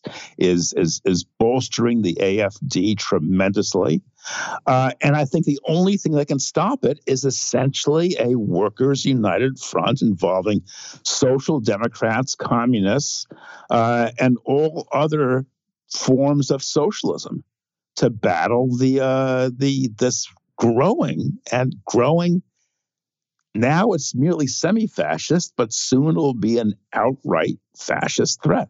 The, the problem is this the Social Democrats are literally aligned not with people who sport the iconography of the mustachioed uh, Austrian gentleman. So if if they really thought the AfD were fascists, they'd be aligning with them because they're literally aligned with Nazis right now. 30 seconds, Dan. You're you're abs- you're totally totally correct. Um, the alliance of the SPD with the Zelensky government in, in Kiev is completely outrageous because the Zelensky, Zelensky government uh, is essentially the uh, icing on the cake, which is otherwise the Azov battalion which is a neo-Nazi battalion. Neo-Nazis, neo-Nazism permeates the Ukrainian military. And so therefore it's completely outrageous that the SPD is doing this. But you know, but but the the SPD rank and file can be torn away from those policies and and and made to see you know where all you know where this is lead, leading and the utter madness that will result daniel Lazare, as always thank you so much for your time. Greatly greatly appreciate that analysis and we look forward to having you back. Thank you. Folks you're listening to the critical hour on radio sputnik. I'm wilmer leon. I'm joined here by my co-host garland nixon. There's more on the other side. Stay tuned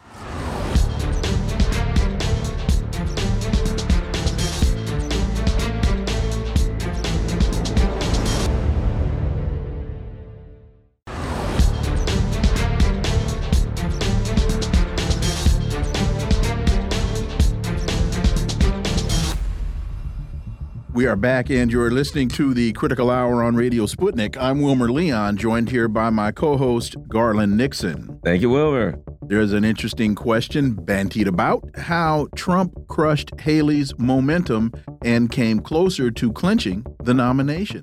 The former president and his allies trained their attacks on the former UN ambassador in the week before the New Hampshire primary, which Trump won easily yesterday.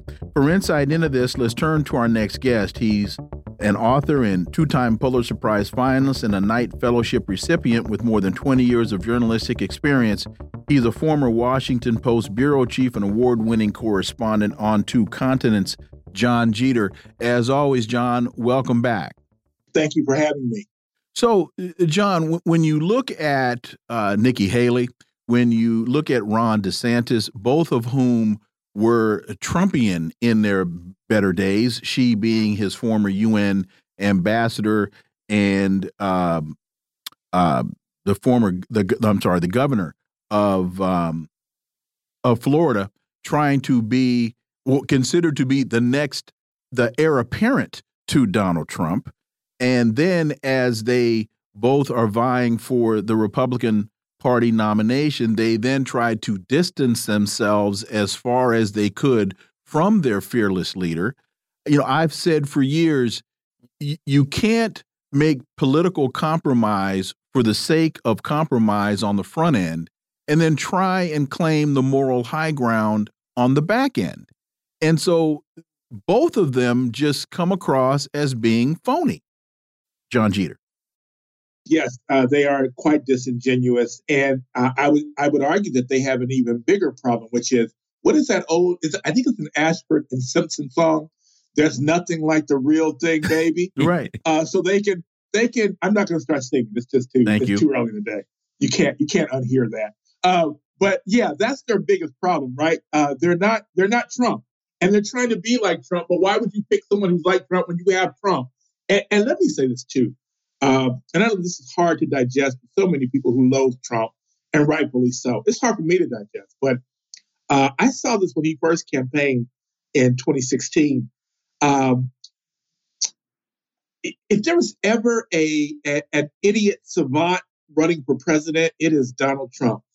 Uh, he is a complete utter moron, although he's trying to govern a country of complete and utter morons. And for that, he has a particular skill in terms of campaigning. He is a brilliant campaigner uh, for a moron, right? Uh, he really appeals to his base. I was uh, I worked in Chicago many years ago uh, when I was with the Post, and it was when Mayor Daley, the son, was there, and uh, Daley was completely popular. I mean, overwhelmingly popular uh, in the late '80s, in like his second or third term. I guess it was third his third term probably. he was I'm sorry, late '90s. He was very popular, but he couldn't communicate. I would sort of joke about, other people would joke about how he would have press conferences and he would just communicate through clicks and grunts. And I would wonder why why was that why was he so successful? And the reason is because the people he was speaking to understood the clicks and grunts. Trump is the same way. And so Nikki Haley is just as, as was uh, DeSantis, they were merely afterthoughts in this. I mean, Trump communicates with his base in a way I'm not sure I've seen it uh, from a presidential candidate uh, in my lifetime. Uh, maybe Jesse Jackson uh, in the 80s. But other than that, I've not seen someone communicate with their base so effectively as Donald Trump. And Ronald Reagan. Ronald Reagan was the master, yeah. But after that, I think Donald Trump is the second best communicator to his base that I've ever seen. Well, I'd, I'd have to throw Bill Clinton in there um, as as being an incredibly, incredibly effective communicator uh, with his base, and and I say that having been in his presence, and he had this just incredible knack of when he speaks to you, you believe you are the only person in his universe yes. in yes. those 15 seconds in which he's in which he's communicating with you. Yes, and I would say that actually I, I, I would agree with you. Donald, uh, Bill Clinton had the gift as well, and, and I think for the same reason. He, like Donald Trump, was a psychopath. Mm -hmm. uh, so I think that is exactly what we saw at, at work there. I wouldn't argue against Bill Clinton. He was a he was a very effective communicator. He he re, he re, he re, he remade the the narrative. He recreated the narrative, reinvented it uh, to turn to basically uh, out Republican the Republicans. But in doing that, he was masterful. There's no mm -hmm. question about it. Mm -hmm. Here's the thing, Jon, and that is that what Trump does is something different. And here's what I mean he says things that politicians absolutely can't say the thirdest of third rails. You can't go in here uh, arguing to take over the system and say the system's rigged. And when someone says, Well, you took advantage of that rigged system, and he says, Yeah, why shouldn't I? That's smart. But I didn't rig the system. They did. Uh, they lied us into a war. And he says things that you can't say. And so all of these people sit out there and they look at him and they're like, I hate these people. And if they're so smart, they all went to Harvard. Look at what they've done to us. And they start to believe, not that he is, but they believe that Donald Trump is something different. And that's all it takes. Mexicans are coming across this border. They're bringing drugs. They're raping your daughters. And and they're vermin. But I think that appears appeals to the Republican base. Right. But he's got all of these independents and now there's a bunch of democrats saying i'll vote for him. And i think it's that other you know that's a specific base but there's something else that he does oh yeah. that is a joke funny. Well you can't say um, bush lied us into a war if you're on capitol hill. But th that's why I, I've when I was uh, teaching policy at Howard, I would always say, and, and, and I would have my, or even intro to poli sci, and I would have my students listening to the State of the Union and I would tell them, pay very close attention to the speech because there are, in this speech, there are going to be different factions that are going to be spoken to at different times of the speech. And so there are there are different code words right. that are going to be used. And he is that he speaks like that all yep. the time. Jon. I, I, couldn't agree more. I mean, I mean, think about uh, that Washington Post story says something very interesting, wherein he wherein he blamed or he alleged that Nikki Haley, and I don't know if this is true or not, I wouldn't be surprised, but he alleged that Nikki Haley was coming for your Social Security. Think about that for a second, right? This is a Republican. I'm not a Donald Trump fan. Let me say that, right? But he, again, he is a brilliant communicator. Think about what he's doing. You know, he he he. Uh, on the one hand, he's appealing to this sort of nativist, this racist, racist nativist uh, element within the Republican Party, within within uh, uh, uh, white America. Let's be very honest, right? Uh, so he's appealing to that white uh, nativism that's within his uh, the electorate, but at the same time, he's speaking to the to this sort of economic populist idea that, that is reminiscent, really, of old school Republicans like Pat Buchanan and even Nixon to some extent, right? They, they were they were economic populists who were trying to divide the nation along racial lines it's, it, there's a certain genius to that, right? Because in the United States, what we know is this that can work, right? That really can work. And you don't hear the Democrats, you used to hear the Democrats talk that language uh, to some extent. You don't hear that anymore. And so this is really very effective. This is why I've said almost from the moment that Donald that, that Joe Biden won the election that Donald Trump was going to beat him in the rematch. I still think there's a chance. I think it's a slim chance uh, that that Michelle Obama they will somehow convince Michelle Obama to run. I don't think it's I don't think it's likely, uh, but I still think there's a chance. But here's the thing: I don't think she can win at this point. No, I I would agree with you. Uh, Democrats are they're no, in deep she, trouble. Uh, Oprah Oprah will vote for her, and the followers of Oprah will vote for her. But I think that's about the extent of uh, of her base. Um, the Wall Street Journal has a piece. It's all over, but the general election. Trump and Biden both face difficulties in the presidential race. That is virtually certain, and and I think that's very true. But let let's let's look at the uh, touch on the Vivek Ramaswamy and the Tim Scott element here. Uh, I don't know if you saw yes uh, last night when when Tim Tim Scott grabbed the mic and and and just said he he expressed his love for for, for Donald Trump. Uh, Jon Jeter.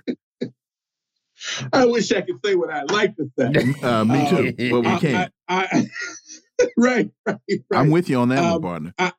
I, I, I, uh, if I may, uh, if I may, just uh, do a little shameless self promotion. I have a piece in today's Black Agenda report. I won't even say the title because I'm not sure that we, I can even say that on air. But it speaks to the Tim Scotts of this world, uh, and maybe to a lesser lesser extent the Vivek Ram- Ramaswamy's. Uh, but you know, this Stockholm syndrome, this this um, we've always had this talented tenth, this class of black defectors, right? But now, post Obama, there are all these black people, uh, not just elected officials, but all the way down uh, the line in terms of the professional class. There are all these black people who believe that they too, like Obama, can get their hands on the bag, can can have the love and adoration of white America the same way Obama did. Obama was a one-shot deal, right? We're not going to see, you know, and, and, as much as I think his intelligence was overrated, uh, Obama was smarter than the Tim Scotts who were. Obama would have understood. Now you can't say that. That's going too far. That's that's skinning and grinning uh, for the white man, and blacks don't like that. So Obama was smart enough to understand that there's a fine balance between uh, uh, uh being being uh, popular with blacks uh, and and also maintaining some credibility with white people, or vice versa. But, but you're, um, you're, you're right Tim about Scott, that. But Tim, Tim Scott, that's not Tim Scott's uh, uh, element. That that's not that's not Tim Scott's was uh, base. He, he he he was he was born to be a Uncle Tom. Look at those teeth. I mean, my Ooh. God, brother. yeah. born to be an Uncle Tom. I mean, God just said, "Okay, we'll make this one Uncle Tom." Yeah, you might say the old say back in the day they used to say you got upper uppercase gums and lowercase teeth. right, right.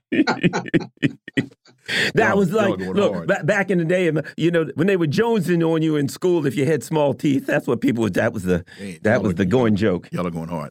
Uh, now, now back to the back back to the show. Uh, uh, but the the politics behind Ramaswamy and Tim Scott. Um, I don't see either of them being Donald. Honestly, I, I don't.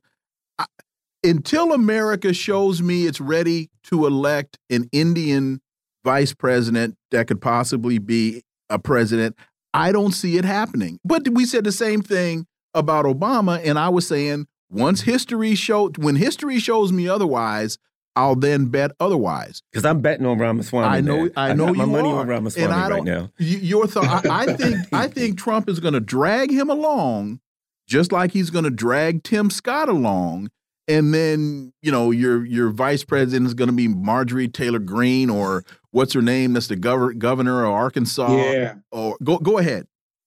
He, he likes that woman from New York, doesn't he? The one who beat up on the uh, Ivy League uh, presidents. Yes. I think he likes that woman, Stefanik. Stefanik, yes. Mm -hmm. Yeah. Mm -hmm. Yeah. No, I mean, look, I mean, uh, these are useful idiots. Uh, Ramaswamy, uh, Tim Scott, to some extent, Nikki Haley is a useful idiot. Uh, there's just only an act of God, I think, is going to prevent Donald Trump from being the next president. I think he knows that. And, and you even hear it. I haven't heard it lately because I don't pay that much attention to Donald Trump, but you even hear it in his rhetoric where he speaks increasingly, I thought, or has spoken increasingly in these sort of biblical terms of himself as a messianic figure. So he clearly understands this historical moment. Uh, he, you know, this is a dangerous man. Donald Trump really is. The problem is that so is Joe Biden. You can make the case, even as someone who loathes both of them, you can make the case that Joe Biden is more dangerous. When you, you know, I think Donald Trump probably would be on board with this genocide in, in Israel, but I don't think he would have been on board uh, with uh, the the uh, war against uh, between Russia and Ukraine. And uh, ginning that up. And so you can make that argument, right, that he is actually a little bit safer uh, than than Joe Biden. In any event, I, I just think this is going to be, I think it's going to be a very historic election. I think it's going to be a landslide as much as it can be with with, with low voter turnout. I think the turnout's going to be very low, uh, and I think he's still going to win. I think he still might win by, you know, I, I think he I, he might. I'll just go ahead and say now. I think he might win by five or six percent percentage points, uh, which would be huge in a presidential election. Uh, but um, yeah, Donald Trump is just uh, this is this is an inflection point. We're going down this road. I don't know at this point how we turn back as a nation. Hopefully, some change will come after we're faced with the Donald Trump, a second Donald Trump uh, White House, and we understand that the stakes are not just high, but really okay. critical if we're going to survive. Jon Jeter, as always, thank you so much for your time. Greatly, greatly appreciate that analysis, and we look forward to having you back. Thank you. Folks, you're listening to the Critical Hour on Radio Sputnik. I'm Wilmer Leon. I'm joined here by my co host, Garland Nixon. There's more on the other side. Stay tuned.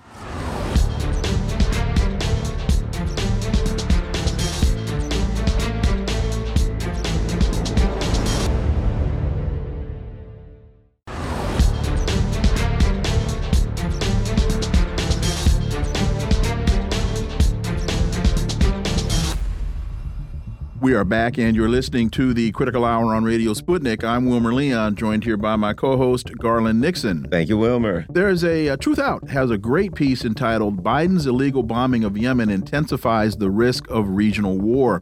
The Houthis say their attacks in the Red Sea will continue until there is a ceasefire in Gaza.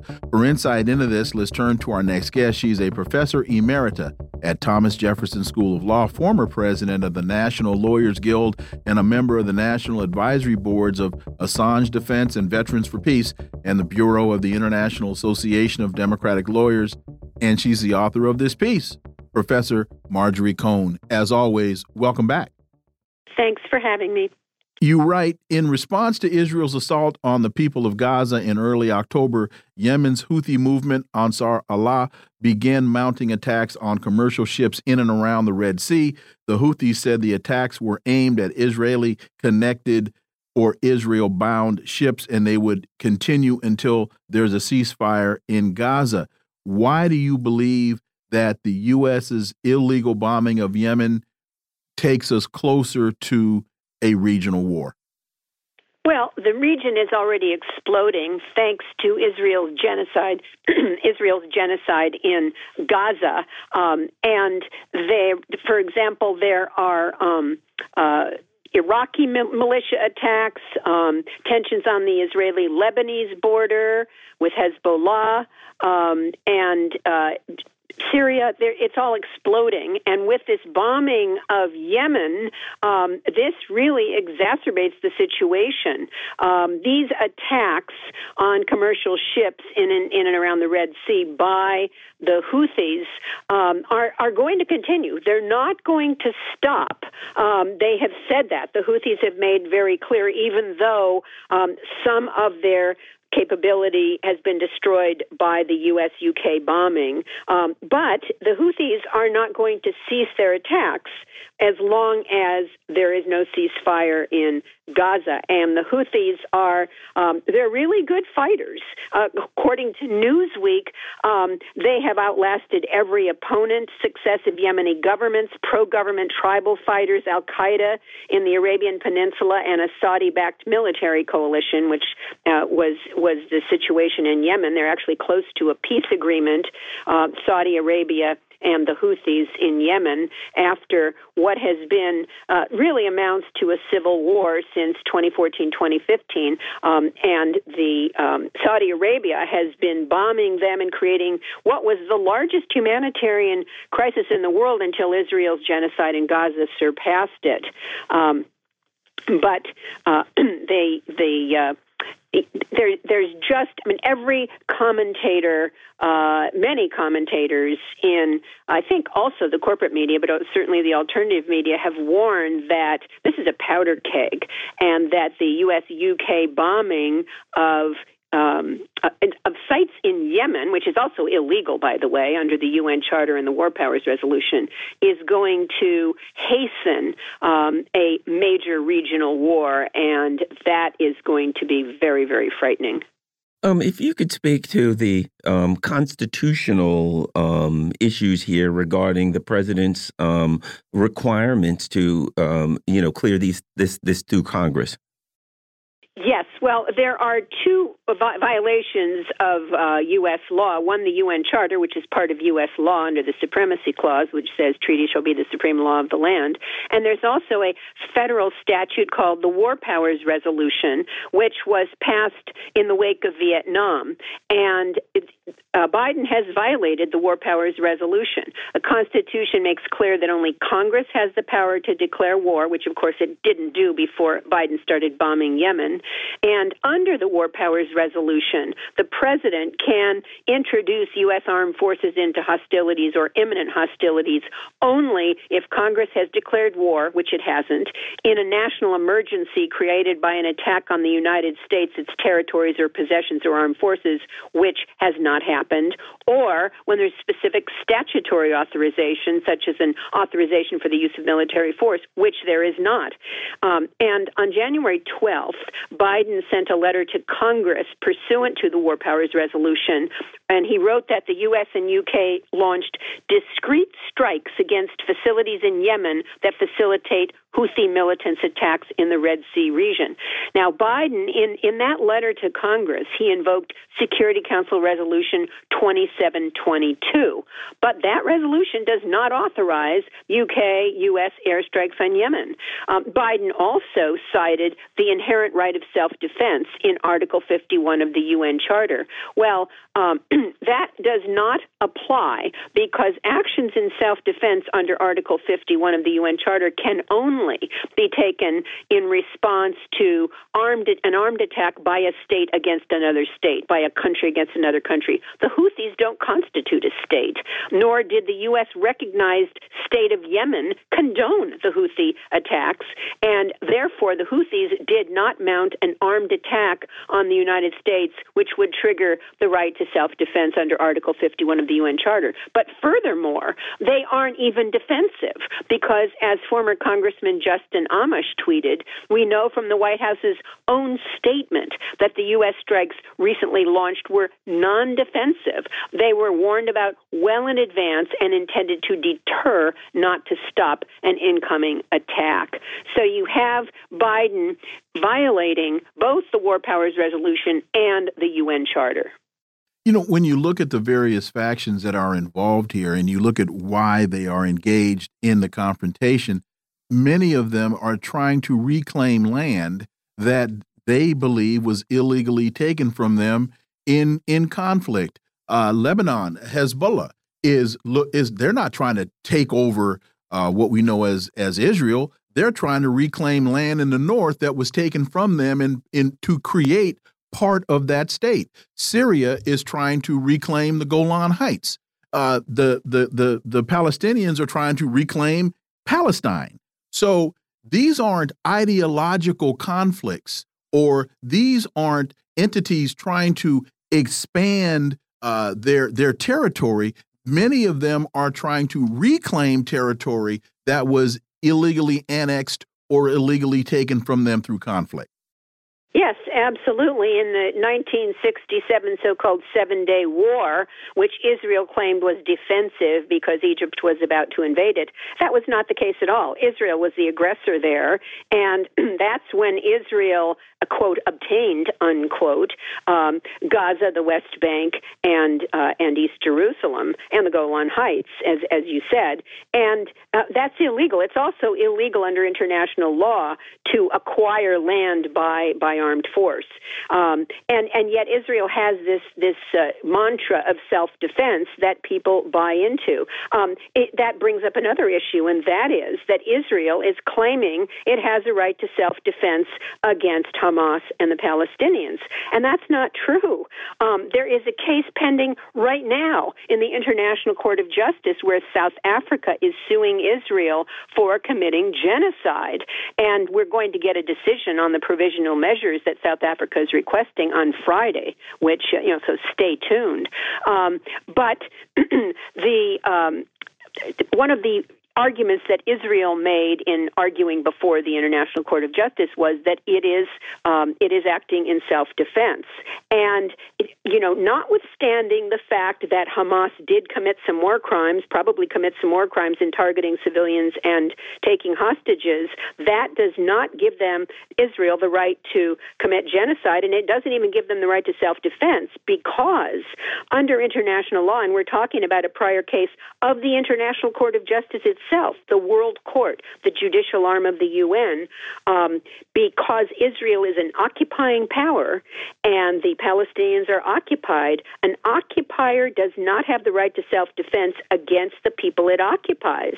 The attacks, the armed attacks under Article 51 of the UN Charter have to come from outside the territory. And the ICJ, International Court of Justice, said very clearly in its case about the uh, legality or illegality of Israel's barrier wall encroaching on Palestinian territory that Article 51 self defense under, under the UN Charter does not apply, will not protect Israel, Israel cannot claim self defense because it's the occupying power. And a lot of people don't understand this. They just blindly parrot, well, of course, Israel has the right to self defense. They don't. Professor Marjorie Cohn, thank you so much for your time. Greatly, great, great piece. Folks, you can find it at Truth Out. It's entitled Biden's illegal bombing of Yemen intensifies the risk of regional war. Professor Marjorie Cohn, as always, thank you so much for your time. We greatly, greatly appreciate it. Thank you. See you next time. Looking forward to it.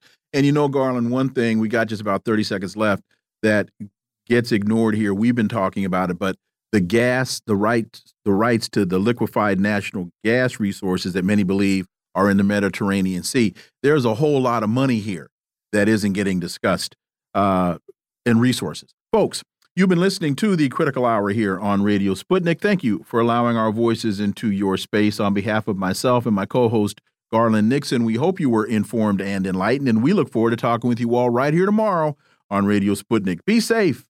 Peace and blessings. We're out.